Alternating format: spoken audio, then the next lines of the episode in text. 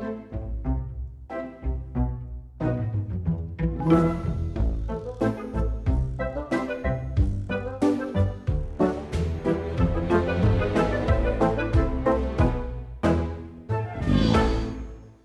en welkom bij Het is wat het was, een podcast die draait rond cultuurhistorische verhalen, anekdotes en feitjes die proberen verklaren waarom dingen vandaag zo zijn en misschien ook wel waren. Mijn naam is Maaike en met verlaagde audiokwaliteit via de webcam zitten bij mij Claire Eline, de vrouw die mij nog meer dan de Griekse godin Hestia in vuur en vlam doet ontsteken, en Mark, de meest spontane gast sinds de cholera-uitbraak van Centraal Zimbabwe in 2008 en 2009. Ah, mooie woorden. Het is een keer een andere pandemie dan die van corona, hè? Allee, dat, dat is geen pandemie, ja. dat is een epidemie, zeker. Geen idee hoe we Ehm, beslist het was een epidemie, maar ehm, eh, het is wel overgeslagen naar heel wat eh, landen rond Zimbabwe. Je hoeft mij nu niet te vragen welke dat zijn, want ik weet eigenlijk op de kaart Zimbabwe niet. Ik ook niet. bon, ik vind, het is, ik het vind is- wel, geografie is een beetje een blinde vlek van mij. Ja, bij mij ook absoluut. Mijn leerlingen moeten dat leren voor mijn vak en ik, ik studeer dat elk jaar opnieuw als ik een toetsen verbeter. Eh, maar als ze mij dan daarvoor vragen waar liggen de, dan, dan weet ik het niet. en dat beperkt zich alleen nog tot Europa. Hè. Dus op dat vlak ben ik echt een eh triestig hoopje. Ehm, nee, maar het is dus wel het is dan een, een epidemie, hè, want pandemie is blijkbaar alleen maar wereldwijd. Ja. Ja, bon, dat over corona. Afgerond, laten we achter ons, horen we al veel te veel van. Hoeft niet nog eens. Wij gaan het over iets anders hebben, hè. Iets gezond. Namelijk sport. Allee, Ja, gezond. Binnen de jezelf. mate van het mogelijke. Eh, ja, ze roepen daar toch heel tijd voor op. Je ziet nu overal artikels over je moet gaan wandelen. Ik moet eerlijk toegeven dat wandelen echt om mijn keel uithangt. Maar eh, ja, wandelen zou het hoofd vrijmaken. Net als bij het sporten bepaalde endorfines. Het is gewoon ook goed voor je lichaam. Ehm, niet alle sporten natuurlijk, want je hebt ook zo van die kampioenschappen waarbij dat je hete pepers moet eten en dergelijke. Eh, ik denk dat dat officieel ook gekwalificeerd staat als een sport.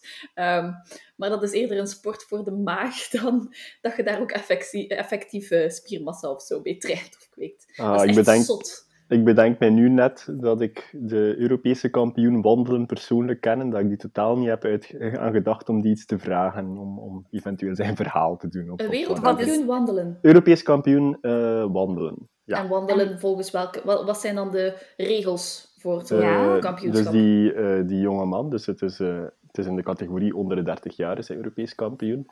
En die gaat dit jaar het wereldrecord breken. Die eh, zit aan een 9000 kilometer al. En hij mikt op 10.000 kilometer dit jaar.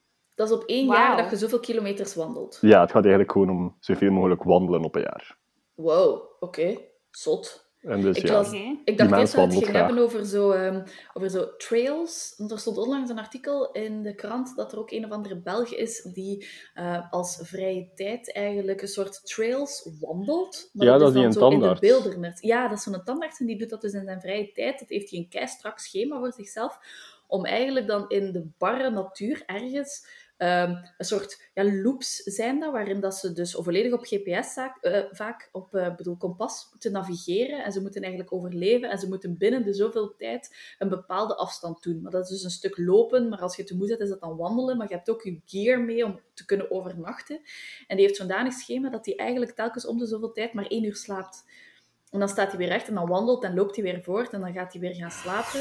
Maar dat zijn trails van, van dagen aan een stuk, waarin het dan weet niet hoeveel kilometers doet. Dus die is dan een hele maand onderweg bijvoorbeeld. Ehm, en die is daar nu echt top op de top wereldwijd in. Ehm, maar ik zou het eens moeten opzoeken hoe dat, over wat voor afstanden dat het gaat en hoe het nu allemaal zit. Maar dat is echt zot. het moet toch leuk zijn om zoveel tijd te hebben. Hè. Ja, en daarnaast werkt hij nog en heeft hij een vriendin. Dat was, dat was effectief wat ik ging vragen. Is meneer de tandarts getrouwd? Want wie, Ja. wie zit dat zitten? En wel, zijn vrouw dus. Maar dat is echt zot. Eh, dat, dat is echt jezelf... Ja, dus dat is niet alleen soms uithongeren, dat is echt ook half sleep deprivation, want je slaapt maar. Enfin, ja, dat is echt zot. Ehm, Ik ben daar niet voor gemaakt, voor zo'n extreme sporten, laten we het zo zeggen. Hebben jullie eigenlijk ooit gesport? Competitief? Het is alsof je dat niet ziet aan mijn, aan mijn lichaam. Wat een vraag. Ik, eh, ik, eh, ik strompel soms met Evie Gruijaert. Aha. Drie keer in de week. Wauw. Maar het is effectief echt strompelen. Amai, maar wel drie keer in de week. Zoveel, zoveel keer krijg jij mij niet op een jaar in mijn, in mijn loopschoenen. Hè? Met Evie Gruijaert, zeg je. Ja, dat, ja niet, niet met haar persoonlijk, hè. Ah. Maar dat is zo een app. Eh, ja, Start to Run. Ja. En ehm, ik was ehm eergisteren, eh, was mijn laatste keer dat ik ben gaan lopen. Eh, allee, voorlopig eigenlijk moest ik vandaag gaan, maar eh, ik was dit aan het voorbereiden. Dus hierdoor ben ik dus nog altijd niet in maar op ons. Ja, ja. Ehm, en ineens zegt hij tegen mij, Maaike, je hebt twee kilometer gelopen. En ik was heel hard eh, geschrokken, omdat ze effectief in die robot voice wel, maar dat ze effectief echt mijn naam zei. Aha. Ehm, En jij, Mark? Ik heb een verleden als cafévoetballer. Oh, cool. Eh, on- onder andere. Ik ben niet aan het denken of dat ik nog iets gedaan heb. Eigenlijk, nee, laten we het daarbij houden. Oké, dat is toch al iets? Eh, ik, ik denk als je ooit zou komen kijken zijn, dat je dat niet zou zeggen. Het is... eh, het was echt, moet je zelf echt niet veel Mark. Kom voor. aan.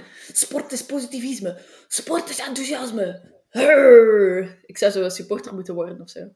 Ja, maar niet van onze ploeg. eh. ik denk dat daar wederzijds geen vraag voor, eh, voor zou zijn. Ik heb ooit bij de LO-les wel effectief de opmerking gehad dat ik een beetje minder enthousiast moest zijn. Ik Maar ook. kijk. Mijn bijnaam was Kamikaze Mark. Ja, ik snap het. Het is, eh, er, zijn menige blauwe plekken en, en, en bloed Mm. en, en builen. Oh ja, bloedneuzen. Ooit iemand de bloedneus Ook, geslaan tijdens ja. de basketles. Per ongeluk wel, maar... Ja, is ja. Ik, ehm, mijn favoriete plekje in, in, in de sport was gewoon op het bankje. Daar dat vond je was mij mijn nooit. carrière. Daar vond je mij echt nooit. Ik deed dat zo graag, LO. Alles wat aan mijn LO was. Ik, mocht dan ook, ik moest altijd meedoen met die jongens, omdat ik... te- eh, ja, ik was te fanatiek om mee te doen met de meisjes natuurlijk. Eh, ja, ik was daar echt goed in. Ik deed dat zo graag. Ik denk dat we kunnen besluiten dat we best jou een hele aflevering aan het woord laten. Gezien dat Maaike en ik duidelijk niet de meest geplaatste personen zijn om het over sport te hebben. Te goed. Nee. Dus Maar ik denk dat we het een ook beetje niet zomaar over knikken en... Ons En- eigen oh, sport zeggen. gingen hebben, hè. Eh, ik denk niet dat dat de bedoeling is, want anders, ja, oké, dan ben ik wel lang bezig. Maar ik denk niet dat dat de bedoeling is. Take Dus, it eh, away. Wat hebben jullie mee? Eh, ah, wel, dus eh, ik dacht, ik ga het eens over iets anders hebben dan altijd die Egyptenaren en die Romeinen met hun vreemde gewoontes. En je weet, eh, de wereld is groot. We moeten soms een beetje ruimer durven kijken dan enkel onze eigen westerse, of ja, zeg maar Noord-Afrikaanse blik. Ik dacht, ik ga het eens hebben over een cultuur waarvan ik de helft van de terminologie niet deftig kan uitspreken. eh, waar ik eigenlijk ook nul de bollen van af weet, maar de luisteraars eigenlijk ook niet, dus dat maakt niet echt uit, want ik kan me informeren en zij kunnen zich informeren eh, door naar ons te luisteren. Eh, we gaan naar Zuid-Amerika. En naar de bijzondere plaats die sport daar innam in de talloze pre-Columbiaanse culturen. Dus de meeste mensen denken dan spontaan aan Inca's, Maya's, Azteken. eh, als ze iets meer eh, gespecialiseerd zijn, kunnen ze soms ook nog eh, Olmeken en dergelijke meer opnoemen. Maar het is eigenlijk nog veel complexer. Dat gaat dus echt over honderden of zelfs duizenden verschillende culturen die allerlei variaties hadden. Maar in Centraal-Amerika, dus we gaan totaal niet naar Zuid-Amerika eigenlijk, we gaan naar Centraal-Amerika, excuses daarvoor. Eh, Mexico en omstreken, laten we zeggen vanaf Arizona, gisteren nog gekald voor Biden, dus super actueel, naar het eh, Nicaragua ongeveer, en dus vooral Mexico daartussen, eh, naar een, een spel, een, een spel dat ontstaan is omstreeks 1600 voor Christus, en dat eigenlijk vandaag de dag nog altijd gespeeld wordt in een wellicht een totaal andere vorm, zoals dat gaat, maar dus dat een, een heel lange traditie heeft gehad, dat ook gespeeld werd door de Azteken eh, toen Hernán Cortés eh, het eh, beloofde land ontdekte, als het ware. Nu, het is een spel dat ik qua naam eigenlijk niet kan uitspreken. Het is echt super moeilijk. Ulama is een afkorting, laten we het ons daarop houden. Ulama, dat is ook hoe de hedendaagse variant heet. En het is een, een, een spel, een balsport eigenlijk. Dus het wordt gespeeld met een, eh, met een rubberen bal. Eh, er zijn ook effectief exemplaren van eh, gevonden van die bal. Zeer oude exemplaren, uh, 2.000, 3.000 jaar, etc. Uh, en die zijn zeer uh, zwaar. Uh, en, en ze variëren in grootte wel, dus een, diameter van 10, 20, 30 centimeter, maar dus massief rubber en dus heel zwaar. Niet zo handig, niet te vergelijken met een, met een hedendaagse voetbal of dergelijke meer. we weten zowel uit bestaande variaties van het spel als op afbeeldingen op reliefs als op reisverslagen van conquistadores, dat het spel gespeeld werd voornamelijk met de, de heup, of in bepaalde varianten zelfs enkel met de heup. Dus de, de rubberen bal werd eigenlijk met de heup heen en weer gespeeld tussen twee teams, die op een, een veld stonden, het zogenaamde balcourt, en, en dit veld nam een heel belangrijke plaats in, in de in de maatschappij daar. Omdat dus, er zijn er zo'n 1300 uh, gevonden, verspreid over het Midden-Amerikaanse gebied. Ze variëren enorm van, van grootte, maar de vorm is altijd hetzelfde, een beetje als een hoofdletter I. Dus met een, een smalle centrale strook, met dan twee loodrechte stroken aan weerszijden. En dan aan de randen van de centrale strook, smal, waren er muren waar tegen de bal kon worden geketst. Of, en dus daartussen speelden twee teams met de bal. En dus die, uh, die sport was ritueel zeer belangrijk. Dat was niet zomaar een, een, een spelletje om met je vrienden uh, na schooltijd uh, te spelen of, of, in de middagpauze. daar, werden echt wel, daar werd een zeer groot belang aan gehecht. In die mate dat men denkt dat het gebruikt werd om oorlog te simuleren. Dus als twee lokale heersers een, eh, een, een, een klein meningsverschil hadden, uh, laat ons zeggen, dan kon het gebeuren dat zij in plaats van het te gaan uitvechten op de maisvelden, dat zij dachten, weten we, we spelen een spelletje, ik verwet mijn rijk, jij verwet dat van jou, en wie wint, wint. Wow. Dat is niet echt zeker, maar dus dat is wel een, een, een theorie die, die min of meer ondersteund wordt. We weten ook, het, het grote belang uh, is ook duidelijk als je de, de, talloze reliefs ziet of afbeeldingen van het spel in, in, in ceramiek of, of in andere kunstvormen.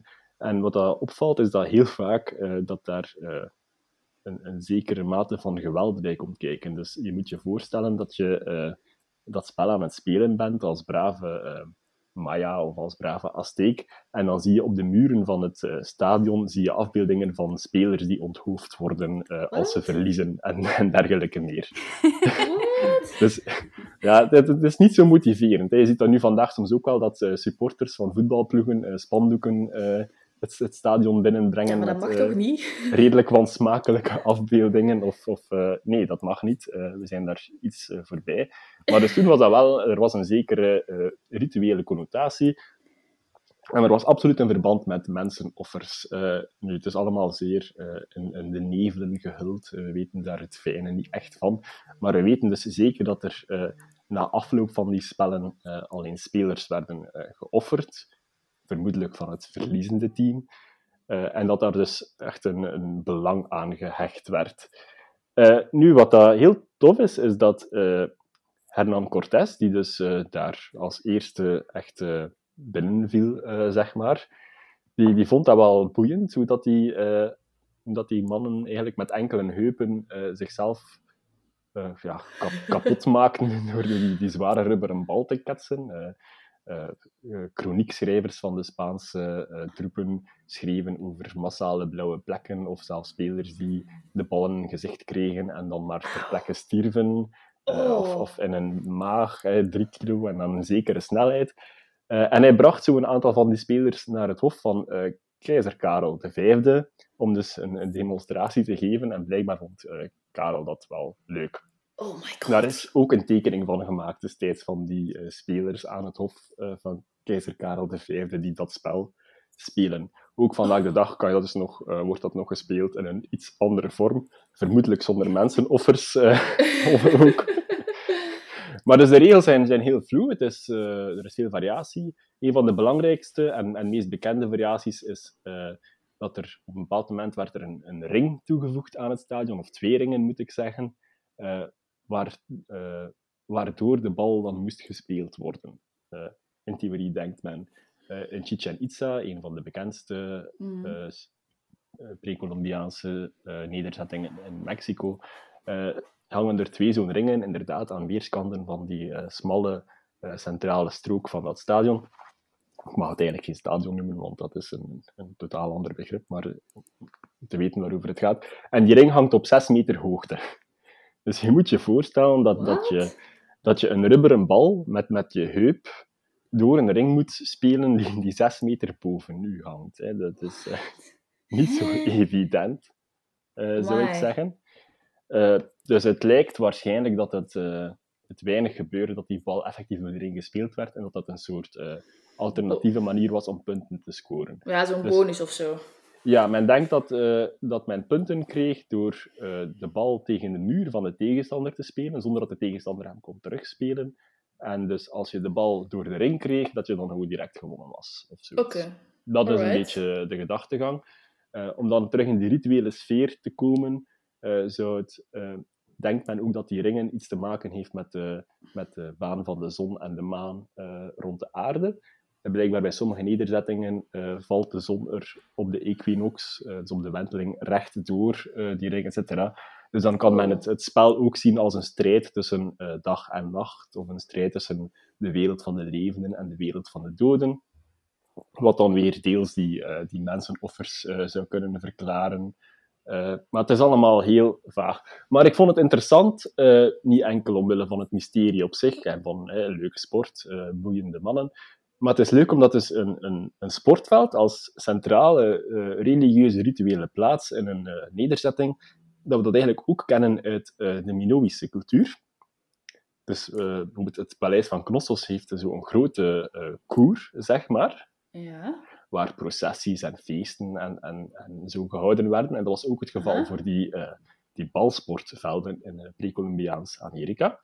Maar dus op die grote koer in, in Knossos en andere Minusine-zettingen werd er ook aan uh, stierenspringen gedaan. Een, een, een oh totaal andere sport, maar dus dat was ook dus die, een, een zeer uh, ritueel geladen moment uh, waarop acrobaten of, of, sportmannen zeg maar, hun kunnen tonen in een, in een zeer religieuze, rituele, rituele sfeer. Dus er is niet echt een, een, een verband of een link rechtstreeks. Natuurlijk, de Minoïrs en de en de Maya's hebben elkaar nooit ontmoet, of, uh, of ja, mm -hmm. speeltips en tricks uitgewisseld. Maar ik vond het een...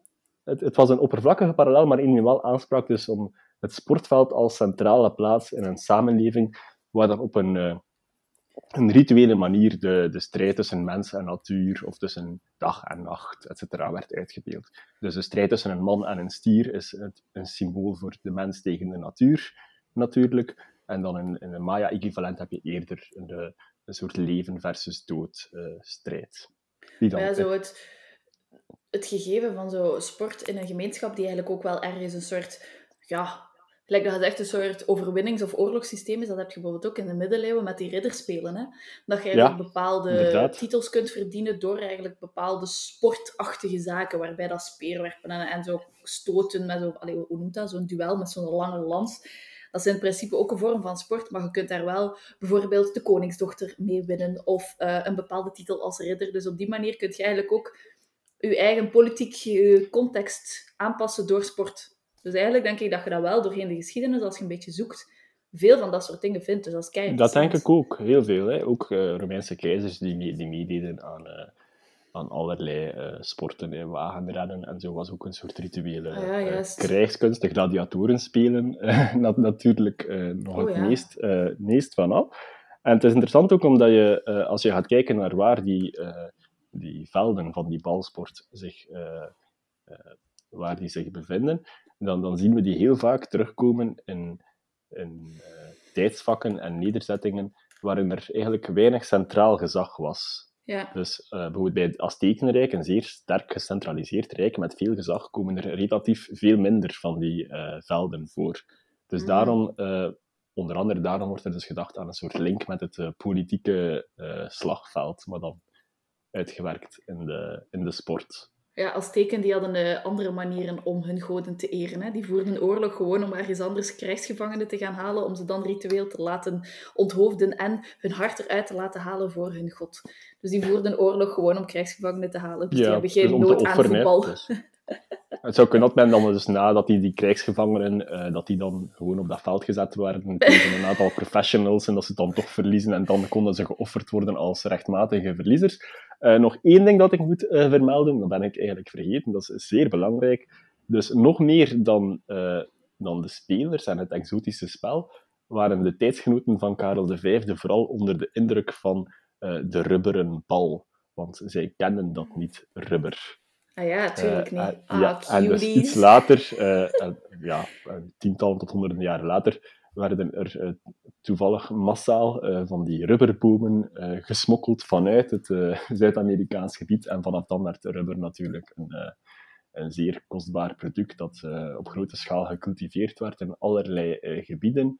Ik denk dat wij als, als Belgen daar ook wel een, een zekere culturele herinnering aan, aan hebben. maar dus het komt, de eerste rubberproductie, of het eerst gekende gebruik van rubber, is dus afkomstig van Zuid-Amerikaans, Midden-Amerikaans, pre-Columbiaans Amerika, waar dus vooral gebruikt werd om die, die ballen uh, mee te maken. Die Zo cool. zware ballen. En uh, dat, de sport komt ook voor in de animatiefilm. Ik kan het uh, elke luisteraar, jong en oud, warm aanbevelen. Eldorado. Dus ah, ja. Eldorado, waar dus ook de, de rituele betekenis sterk geïntegreerd is. De regels zijn iets anders dan we denken dat ze waren, maar bon, het, is, het blijft een kinderfilm. Hè. Dat is wel, eh, met dat je het nu zo hebt over zo, je mocht alleen maar die lichaamsdelen gebruiken enzovoort. Uh, dat is iets dat ze vandaag de dag in gewone sporten trouwens ook gebruiken. En dat brengt ons eigenlijk een beetje bij mijn thema. Want wat we vaak gaan zien... Uh, in sport, wat heb ik gedaan? Ik heb eigenlijk een beetje mijn eigen ehm, verdoken interesse naar um, vreemde sporten een beetje gecultiveerd. Uh, mijn YouTube-account ziet er niet meer uit zoals het daarvoor was. Maar wat heb ik eigenlijk gedaan? Ik ben zo lijstjes gaan opzoeken van de vreemdste sporten ter wereld. En wat ik vaak heb gezien in die lijstjes, dat heet bij mij de categorie sport, maar dan anders, is dat ze een bepaalde sport gaan nemen en die sport toch een beetje anders maken. En zo heb je een, uh, een een, ja, een soort sport en die heet Sepak Takraw. Het is eigenlijk een uh, vertaling van een uh, Aziatisch woord. En waar komt het op neer? Dat is eigenlijk volleybal. Het net is een beetje verlaagd naar ongeveer een meter en een half.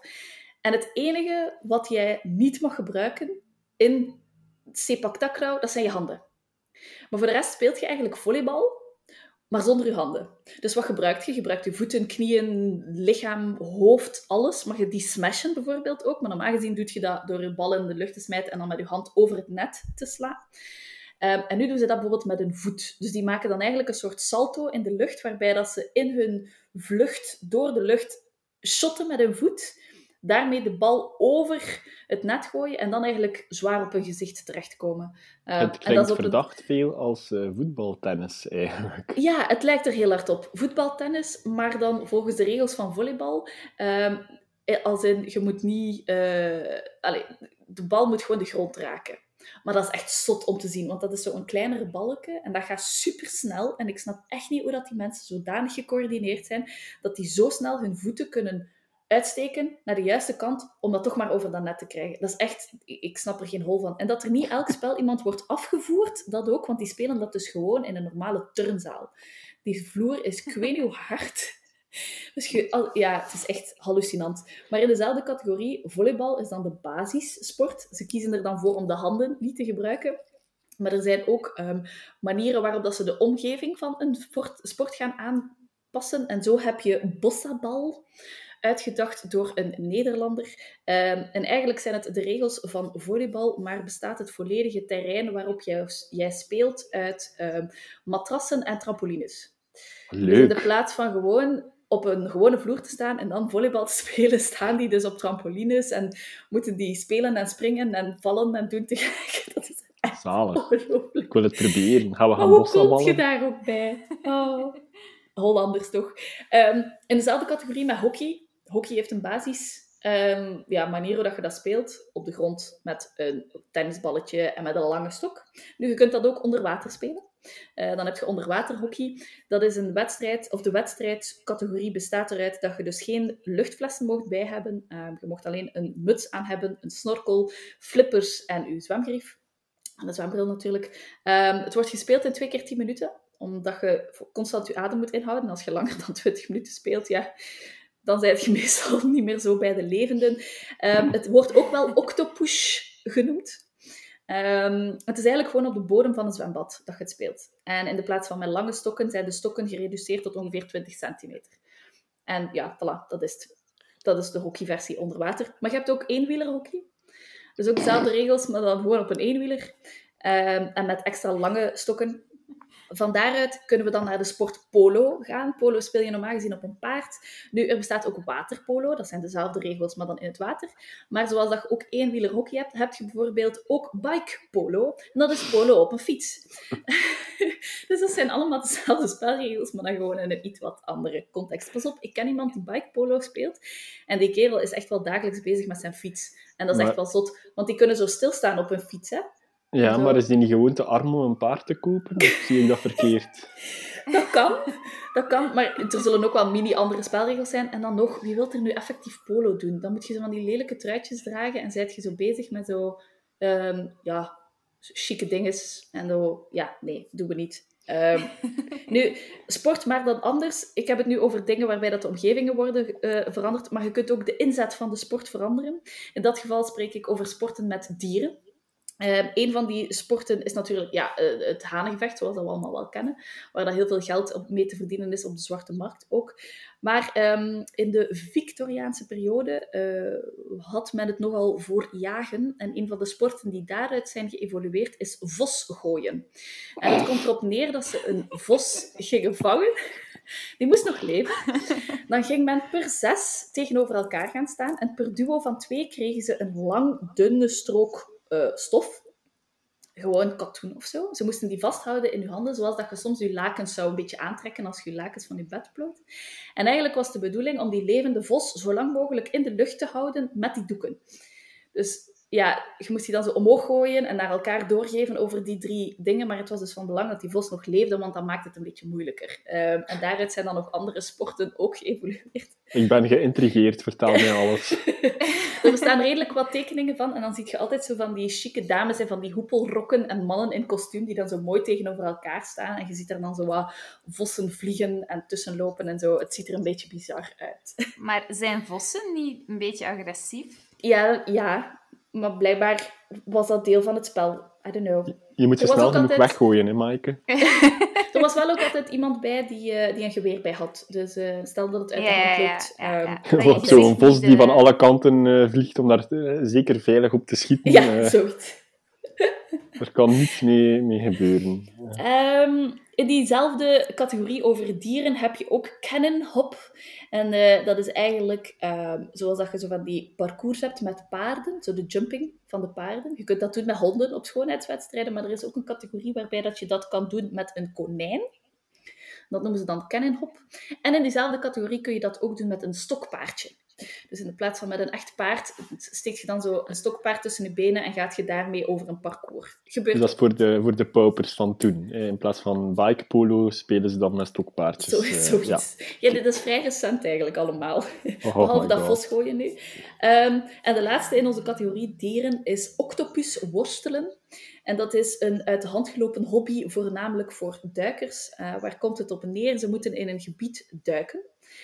En de- ze moeten zo snel mogelijk een octopus op het droge krijgen. Dat is de enige spelregel dat er is. Maar dat moet een levende octopus zijn. Dus in eerste instantie moet je die al vinden. En dan moet je die nog op een of andere manier gevangen krijgen. En dan moet je die nog op de kust krijgen. En degene die als snelste eh, de octopus op het droge krijgt, is gewonnen.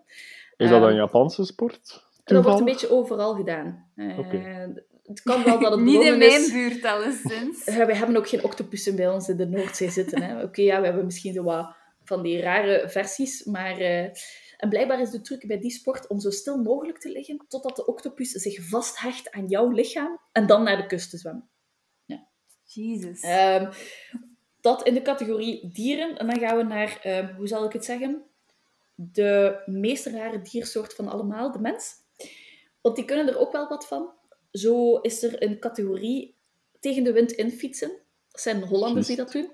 Dat vind ik een heel mooie sport. Dat ziet er hilarisch uit. Die, dus dat is, dat is een soort kampioenschap dat op de bots wordt georganiseerd. Want het moet natuurlijk heel slecht weer zijn. En ze doen dat dan op de pier. Zo op de pier richting, of in het water.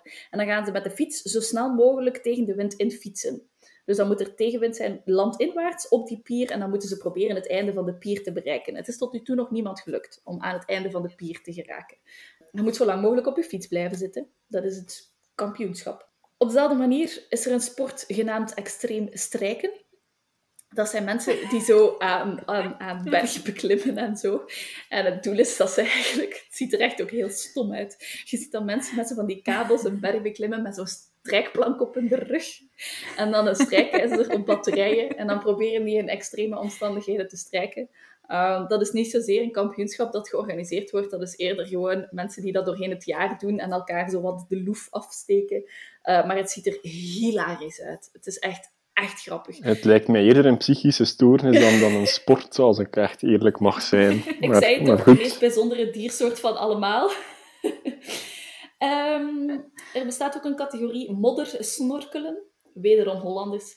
Um, in de plaats van gewoon te snorkelen, is het deze keer in een modderig stroompje naast diverse velden waar dat koeien staan. En je moet eigenlijk zo, zo snel mogelijk naar de andere kant van het riviertje geraken. Alleen met de, met de stroom mee of tegen de afhankelijk. Worden heel veel mensen ziek van, want dat water is meestal niet zo proper als je zou willen. Um, en je hebt ook Quidditch.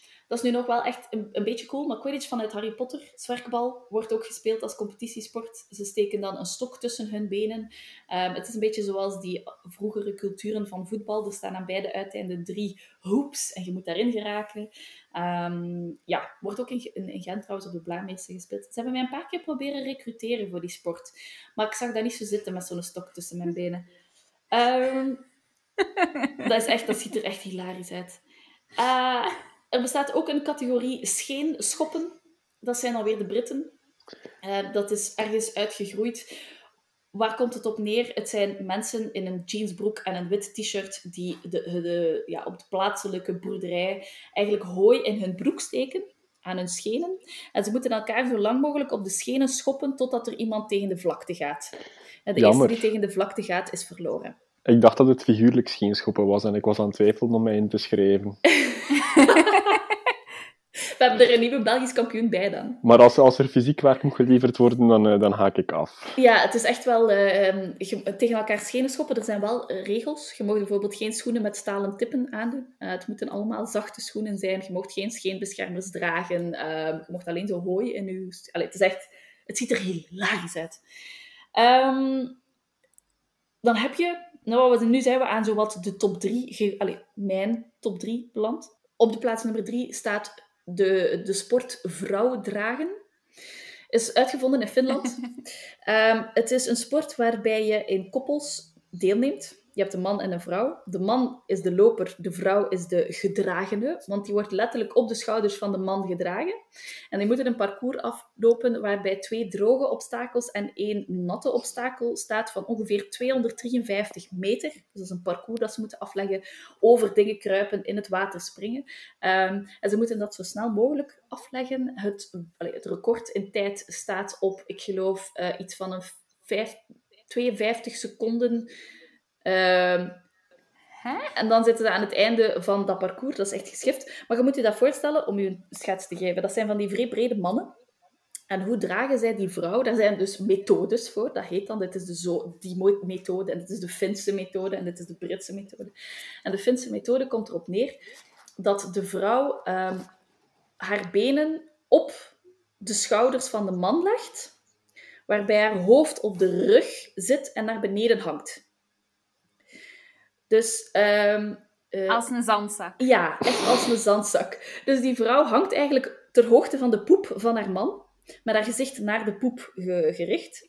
Haar benen liggen eigenlijk over de schouders van de man en dan achter het hoofd kruist zij haar twee benen zo, zodat ze vasthangt. En zij pakt ook zijn middel vast. Maar doordat zij met haar hoofd naar beneden zit, is dat bijvoorbeeld als ze het, uh, de, de, vochtige uh, ja, obstakel moeten doen, zit ze eigenlijk permanent met haar hoofd onder water.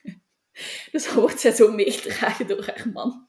Enzovoort. Dat is echt, die filmpjes daarvan, ik heb mij daar al krik mee gelachen. Maar dat wordt ik dus wou, ik wou net zeggen, ik heb visuele ondersteuning nodig, want uh, ik, ik raad je zo aan, lukt het het op niet. vrouw dragen uh, en je vindt meer dan genoeg uh, opties. De, fin, de Finse methode. Ja, ja, ja. Um, daar wordt wel nog elk jaar een kampioenschap voor georganiseerd. Wel altijd in Finland. En het zijn meestal Finnen of Noren of Zweden of Britten die eraan meedoen. Ja. Um, ik voel mij niet geroepen. En dan ik vraag we- mij wel af, hoe train je daarvoor? Vindt iedereen in de wijk dat dan normaal, dat jullie zo wat toerkes eh, beginnen lopen door het straat? Ze zijn er misschien erger gewoon, hè. Dat kan ook. ja, dat weet ik nu eigenlijk niet, maar ik denk het wel. Het, eh, Ja, er zijn ook mensen die dat zo elk jaar winnen, hè, dus die moeten daar dan wel voor trainen, denk ik. Enfin, ik weet niet hoe, het, hoe zo'n training in elkaar zit. Ehm. En dan hebben we op nummer twee eh, Ultimate Taser Ball. En Ultimate Taser Ball, Dat klinkt als iets dat door een man is uitgevonden. dat is het ook. Zeg maar door een jongen. ik, ik, heb mij, cre- ik heb dat vandaag opgezocht en ik lag op een moment zo dubbel van het lachen dat mijn, dat mijn lief ook wel weet waar dat ik mee bezig was. En die vond het ook echt hilarisch. Waar komt het op neer? Het is een soort vorm van voetbal met een gigantische bal. De bal heeft iets, is, is zo, je kunt dat eigenlijk, dat, zo, dat past tussen je armen. Dat is zo gelijk dat je vroeger in de kleuterklas met zo'n grote, lichte pluche bal zou spelen. Ehm, dus die is vrij licht. Die bounced ook zo een beetje. En het is de bedoeling dat je die van de ene kant van het spel naar de andere kant van het spel krijgt. En daar in de goal smijt. Gespeeld geloof ik 4 tegen 4. Maar wat is de clue van het verhaal? Elke speler heeft een taser in zijn hand en mag die naar vrije wil gebruiken. Dus die lopen allemaal door elkaar, als je die filmpjes ziet.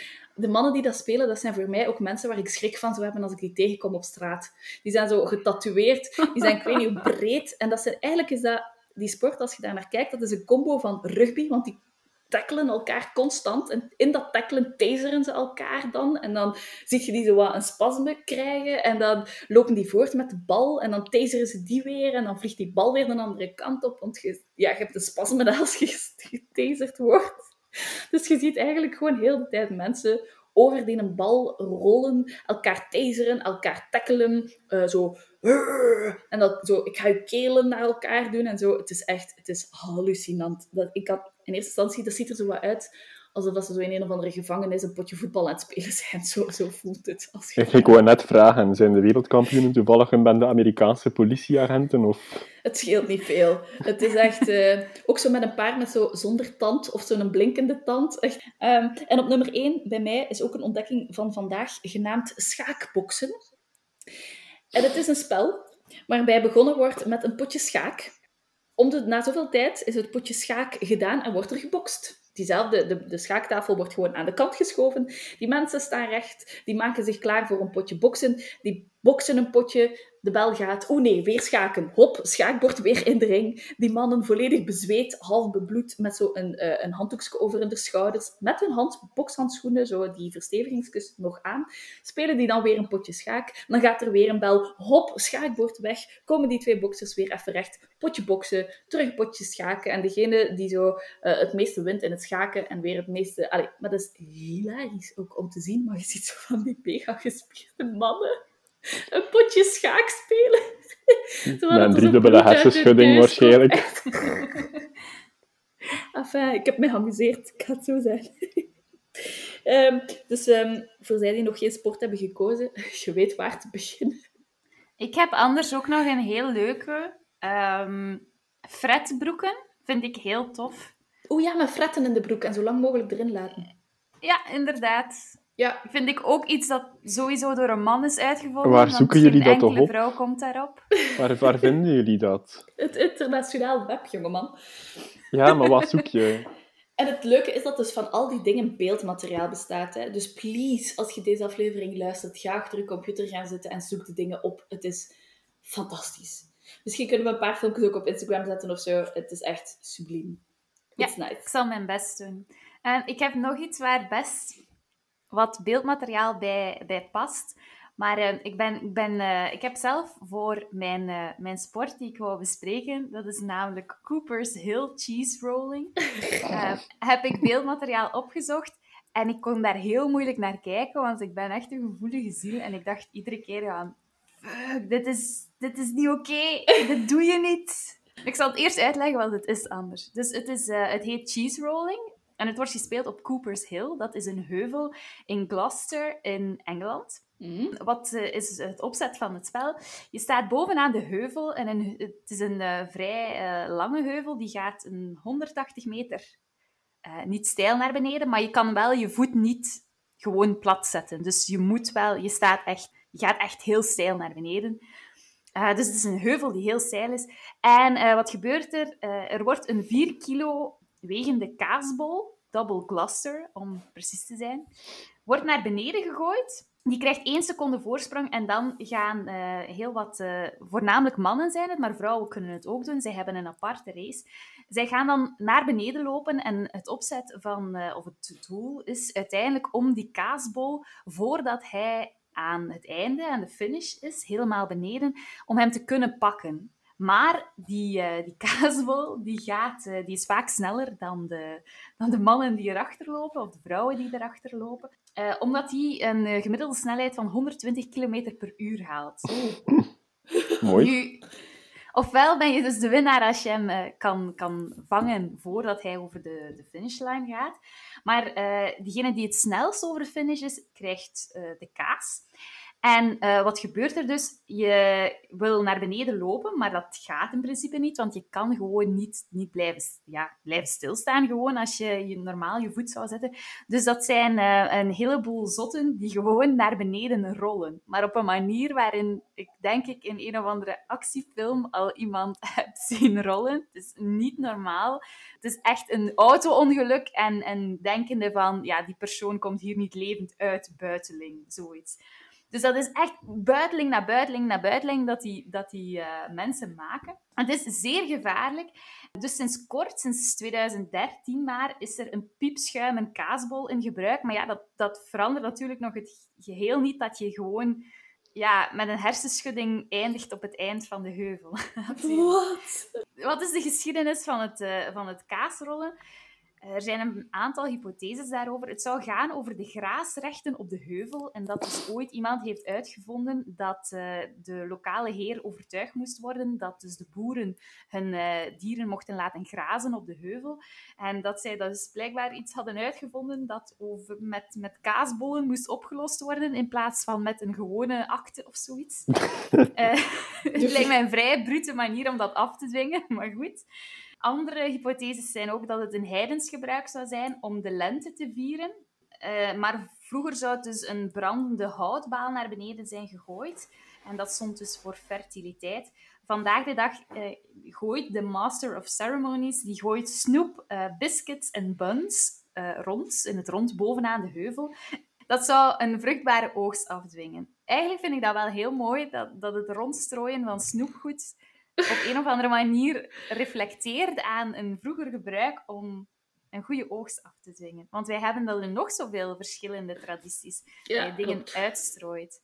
Maar de eerste keer dat er effectief over geschreven is, is in 1826. En dan is het de Belleman van Gloucester die schrijft dat het al een zeer oude traditie is. Maar eigenlijk geschiedenisgewijs is er niet zo heel veel duidelijkheid over. Um, wat wel duidelijk is, is de recente geschiedenis van ongevallen die ermee gemoeid is. Namelijk in 1993 zijn er 15 gewonden gevallen, vier werden zwaar gewond. Ik heb al proberen factchecken, uh, maar de website van uh, cheese rolling uh, is, is niet meer aangepast sinds 2010. Oh. Hij is gemaakt op een... ik weet dat ik het vaak over de graphic design heb van, van mijn bronnen, maar het is wel belangrijk om aan te tonen. Hij was gifgroen, de website, met blauw Comic Sans opgeschreven. Nee. Ik denk dat je best eens naar de Internationale Kaasrolfederatie uh, mailt. Ja, het was dus niet meer aangepast sinds 2010. Dus ik vind daar niet zo heel veel meer over uh, in de laatste jaren. Toch niet uit hun, uit hun bronnen. Nu, in 2009 hebben ze het uiteindelijk gecanceld door health and safety reasons. En het is niet georganiseerd in 1998, 2001, want er was mond- en klauwzeer. En in 2003, maar om de, de, tra de, traditie te eren, hebben mensen uit de buurt wel altijd gewoon een of andere kaasbol naar beneden gegooid. Daar dan niet achter gedoken, maar wel gewoon die kaasbol. 2011 is het niet georganiseerd geweest, want er is geen officiële organisatie meer die, die daarachter zit, die, ja, die het plaatselijke evenement organiseert. Er was geen Rode Kruisachtige voorziening aanwezig, dus een ambulance of wat dan ook. En dan hebben 500 mensen spontaan zich aangeboden om te beginnen rollen. Gek genoeg is er toen niemand uh, zwaar gewond geraakt. Maar uh, sindsdien is er geen echte organisatie meer. Dus is het een soort van spontaan groepsgebeuren. Ik weet niet hoe, dat, in zijn, uh, hoe dat in zijn werk gaat. Het is zover gekomen dat in 2013 Diana Smart, die toen 86 was, officieel door de politie op de hoogte werd gebracht dat zij aansprakelijk kon gesteld worden omdat zij de kaas verschafte. Dus zij was de kaasmaakster en de politie was naar haar gegaan, een vrouw van 86, oké, om haar te melden dat omdat zij zogezegd het wapen meebra- ja, leverde en dat daar mensen door gewond geraakten, dat zij eigenlijk aansprakelijk was om, als zij iets op haar geweten zou hebben. Dus. En sindsdien, sinds 2013, gebruiken ze dus die piepschuim en... Uh, ja, versie. Oh, is toen... Ja, het is heel erg voor die mevrouw. Ik weet niet of ze nu nog leeft, maar stel je voor dat jij meedoet aan de plaatselijke traditie en dat ineens de politie op jouw stoep staat om jou eigenlijk te betichten van een aantal mishandelingen doorheen de jaren. Toen, eh, in 2013, de eerste keer dat het piepschuim uh, was, heeft een Australiër, want er zijn dus van over de hele wereld mensen die daaraan meekomen doen. Alle zotten van de wereld komen daar dus op af in de Cotswold. En hij heeft die kaas kunnen pakken nog voor de finish. En dat was dus voor de hardcore cheese rollers het bewijs dat je eigenlijk echt wel een 4,5 kilogram kaas nodig hebt, omdat die piepschuim te licht zou zijn. En dat is dus geen uitdaging meer. Als je kijkt naar filmpjes, want er zijn er zo heel wat op, op YouTube, dan zie je ook in de meeste filmpjes uh, dat er een, een, plakkaatje staat dat je gevraagd wordt om niet aanwezig te zijn, dat het niet verantwoord is. Maar ik vermoed dat dat ook wel meer met aansprakelijkheid te maken heeft, want het wordt daar natuurlijk door die mensen van de niet-zo-organisatie gezet beide kanten van de heuvel kan je dus staan. En er komt ook heel wat publiek op af. En daar zijn ook gewoon kinderen die daar helemaal vooraan aan de frontlinie, zo gezegd, staan. En daar staat enkel gewoon zo'n afspanningslint, zoals je bij een straat um, zou hebben, die opengebroken ligt. Dus die, die kinderen staan daar gewoon. En, en af en toe tuimelt daar wel eens iemand in die naar beneden uh, probeert te vallen. Helemaal beneden staan er ook catchers. Dat zijn meestal de, de lokale rugbyspelers. en er staan sowieso meerdere ambulances paraat, want er moet altijd iemand afgevoerd worden. Je ziet mensen die, die kneuzingen oplopen, mensen die aan het bloeden zijn, mensen die zuurstof nodig hebben als ze naar beneden vallen. Um, je ziet bijna mens, allez, mensen op, op het scherm dingen breken. Ik vind, dat wel, ik vind dat moeilijk om naar te kijken. Ik vind dat niet zo fijn. Als ik dan toch nog één ding moet, moet vermelden, om het cheese rollen af te sluiten. In 2018 heeft Chris Anderson, die toen 30 jaar oud was, voor de 22e keer gewonnen. Dat is niet omdat hij al sinds zijn achtste bezig is met, met van, die, van die heuvel afrollen. Maar je hebt wel telkens um, vijf races, waarvan eentje voor vrouwen. Dus hij kan ook meerdere keren na elkaar die heuvel nog afrollen, voor mocht je in de eerste keer nog geen uh, hersenschudding hebben opgedaan. Maar hij heeft dat dus al 22 keer gewonnen toen. Hij heeft het record op zijn naam staan. En het kan er misschien mee te maken hebben dat hij militair is. En ik vermoed dat een militair misschien toch een beetje meer training krijgt voor ergens uitvallen of invallen of vallen in het algemeen. Maar dus, dit is een van de gevaarlijkste sporten ter wereld, de cheese rollen, omdat er sowieso mensen pijn hebben na het uitvoeren van hun sport. Echt, zijn er toch... Eh, zijn mensen toch een bende zotten bij elkaar, hè? Als je dat zo ziet, en dat wordt dan gecategoriseerd als sport. Het is gewoon levensgevaarlijk. Ja, alleen met een flesje wijn erbij. Maar, ja, maar kijken is iets anders dan het spelen, hè? Dat, dat, ja. vind ik echt zot. Zo ook als je dan, zo, als je dan begint te zoeken... Oh, mensen, echt... Wat had je allemaal verzinnen? Ja, maar echt... Ah, dat ik soms echt denk, hoe kun je die mensen nu nog serieus nemen? Het is absoluut een niche, hè? Maar, maar bon, dat is uh, Vos een goeie ook wel, denk ik. het is misschien iets om over na te denken voor ons, om uh, een sport te gaan doen in plaats van dit te doen. Um, dus we hebben een aantal opties, denk ik, hè? Ja. om mee te beginnen. Ik ga toch voor de ultimate taserball. Ik ga mij tussen die uh, mensen daar smijten. Reserveer maar alle plekjes in het ziekenhuis. Ik zal voor vrouwen dragen gaan, gezien ik een, uh, een honkige Finse beer ben. Wie ga je dat wijsmaken? Ja, oh ja, hopelijk ook, een vrouw, hè, Mike? Er zijn ook spelregels over welke... Er, is, er zijn ook spelregels ook voor welke vrouw dat je effectief mag meepakken in de competitie. Dus er zijn zo bepaalde relaties die wel mogen en welke niet. Dus uh, het moet wel iemand zijn vanuit de familie. Het mag bijvoorbeeld echt effectief je vrouw zijn of je schoonzus, dat mag. Maar het mag niet zomaar de eerste, de beste uh, passanten zijn op straat. Er moet ook een link zijn en zo. Dus het, uh, ja. het moet een volwassen vrouw zijn, vermoed ik. Ja, minstens 17 jaar en een minimum aan 49 kilo.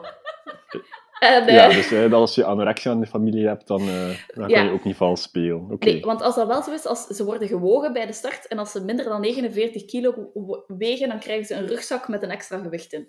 Dus ze moeten wel effectief 49 kilo wegen. En, en er is geen maximumgewicht, veronderstel ik. nee. Dat, dat zou oké, okay, te gevoelig liggen. Oké, okay, nee. Laat, laat ons daar stoppen. Dat zou ook niet in, in het voordeel zijn van het winnen van de competitie, denk ik. Nee, maar als je een statement wilt maken, allee, ja. het is dat, het is dat. Er, nu dat ik eraan denk, er zijn ook bijvoorbeeld um, kampioenschappen lopen op naaldhakken. Die was ik nog vergeten. En dan lopen die een bepaalde sprintwedstrijd op naaldhakken. Ja, ook Niet dat. voor ja. mij. Ja. Dat is ook uh, die, die andere app met Evie Gruijaert die je kan doen. Voilà, perfect. Je kunt nog kiezen. Multif multifunctioneel. ik, ik, ik hou het wel bij figuurlijk schenen schoppen. Dat is uh, waar mijn talenten liggen. We zijn uitgebabbeld. Um, uh, dit is uh, de tweede aflevering van het tweede seizoen. Dus ik heb mij voorgenomen om de vorige al te factchecken voor het 2023 is. Dus de vorige die heette 3. Hier komen de facts en de checks daarvoor. Je vindt in de uh, facts en checks lijst vind je de link naar Jay Giles Band met Centerfold. Je vindt ook Claire's inspiratie voor het thema 3, het, het artikel dat gepubliceerd geweest werd, was ja. ja. En uh, um, het gaat over het concilie van uh, Chalcedon in 451 na Christus. Dus niet over het Italiaanse modemerk uh, Calcedonia. Juist. Chalcedon is een half edelsteen, maar de vindplaats ligt dus niet in huidig Turkije, waar dus wel het concilie heeft plaatsgevonden. Ik heb geen informatie gevonden waarom dan zowel die oud-Griekse havenstad in Anatolië of het Panty-merk zo werden genoemd. Als iemand daar iets van informatie over zou hebben, ik ben sterk geïnteresseerd. Ik en ook. dan? Uh, voor alle duidelijkheid. Wij allemaal, hè. ja. dus niet alleen voor het pantymerk dat je geïnteresseerd bent, hè, Mark? Nee, ik ben breed geïnteresseerd. Zoals het hoort. Dat was de podcast voor deze week. Volg ons op Facebook of Instagram bij de Het Is Wat Het Was pagina's. Abonneer via Spotify, Apple of Google Podcasts. En dan verlaten we jullie met een quote van Amerikaans columnist Dave Barry. Alhoewel golf vroeger enkel een mogelijkheid was voor de rijke gereformeerden met overgewicht, is het nu toegankelijk voor iedereen met wansmakelijke outfits. Bedankt om te luisteren. Bye bye.